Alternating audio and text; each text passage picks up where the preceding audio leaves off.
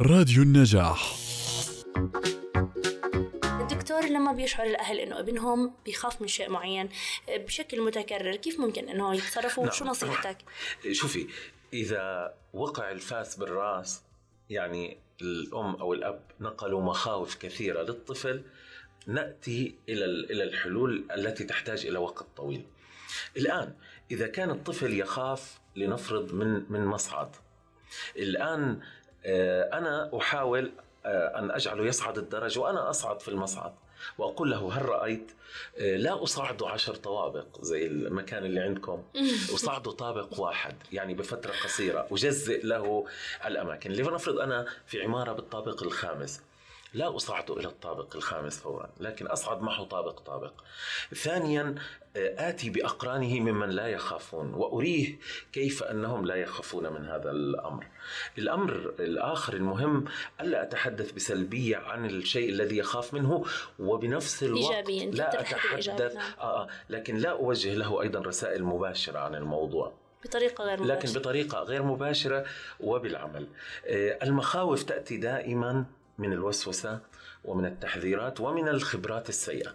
فإذا كانت مخاوف ابني من خبرة سيئة أحاول أن أبني عكسها. يعني مثلا في طفل بخاف من المصعد لأنه عمه أو خاله أو أبوه آه، علق فيه. علق فيه أو ربما وصل إلى المستشفى بسبب نعم في بالم... مثلا ب... بشغلي أنا في بنت مثلا بتخاف من تسكير الباب أثناء الصف. نعم. يعني وهي بالصف. آه، ممنوع يسكر الباب. بتصيبها حالة يعني هلع هلع رهيبة يعني جدا. تمام.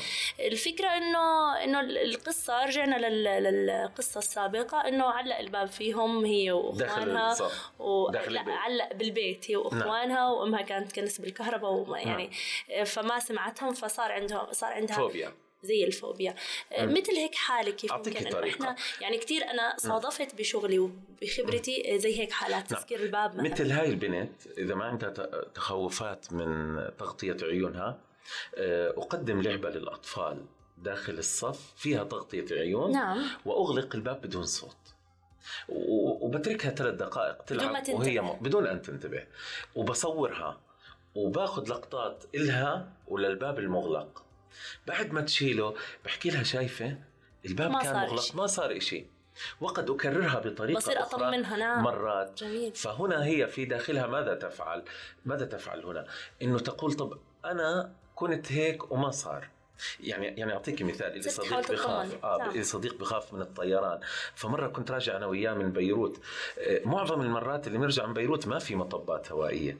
أها. تمام؟ اللي هي عن طريق آه، طبعا البحر الأبيض المتوسط سيناء الأردن اللي هي الرحلة الطويلة وليست فوق دمشق. المهم آه، هو هذا الشخص بتذكر يومها وإحنا راجعين من بيروت ثلاث مطبات هوائية يعني أول مرة في مطبات. آه، فأنا بحكي له طب ما أنا رايح بيروت 30 مرة وأنت بتعرف دائما بتتصل فيه وين بيروت؟ بيروت بيروت وما صار إشي. فما تخاف. ففي مطب في مطبات في الطريق إلى أمريكا الطيارة تصبح مثل ريشة. ولا يحصل شيء. يعني هذا بيساعد نوعا ما. عندما تتحدث مع أي شخص بالقصص السابقة المطمئنة الإيجابية يقلل خوفه. نعم. أعطيك مثال من الإسلام.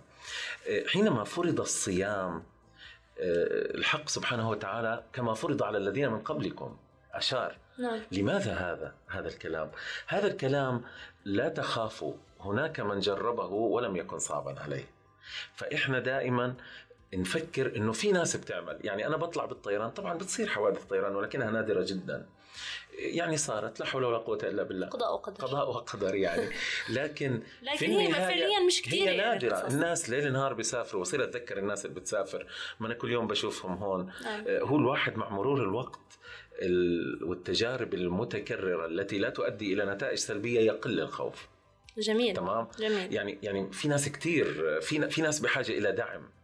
يعني يعني أعطيك مثال آه، طفل إذا مر من جانب منحدر بخاف كتير فأنا بمشي معه ما بخليه على طرف المنحدر بخليه على الطرف الثاني بخليه ثواني على الطرف الآخر بخليه يشوف أمامه أطفال شوي شوي يعني. بشكل متدرج بالتدريج الخوف شوفي. المواجهة غلط إنك أنت. تواجه ال- المواجهة مباشرة غلط وحتى الكبار في- لاحظي شغلة في قاعدة عن الخوف وقاعدة مؤلمة وسلبية نعم. ماذا تقول؟ الخوف يلتصق بسرعة ويذهب ببطء جميل وهي مشكلة وهي دائما مشكلة فإحنا بدنا هاي الموضوع. صحيحة هي قاعدة صحيحة نعم. طبعا قلما تجدي من الناس من يذهب الخوف منهم ب- بسرعة هذا يعني حالات نادرة جدا. وفي ناس على فكرة بيعيشوا بموتوا بال- بالعقدة اللي عندهم لأنهم ما بدهم يغيروها. يعني السباحة كثير ناس بكون عندهم مشكلة منها ما بيسبحوا من مرة. ال- قيادة السيارات في ناس 17 مرة بيرصد. ليش؟ طب هل قيادة السيارة بتخوف؟ لأنه هو بقود بتطلع وراه. بدل ما يطلع وراه عشان بس ياخذ حذره بشوف السيارة جاية أمامه. بتطلع على بعد 50 متر بيجد حدا بده يقطع الشارع بيضرب بريك أوف. عدى على بعد 3 كيلو. فهذا الخوف آه. يؤدي به إنه ما ياخذ الرخصة. ولا هو. لو إنه قاد. وفي ناس بكونوا خايفين. بعد ما يقود هيك ل- لمدة أيام بشوف إنه السيارة اللي جاية وراه أصلا هي مبطئة. بحالات نادرة لما تضرب فيه.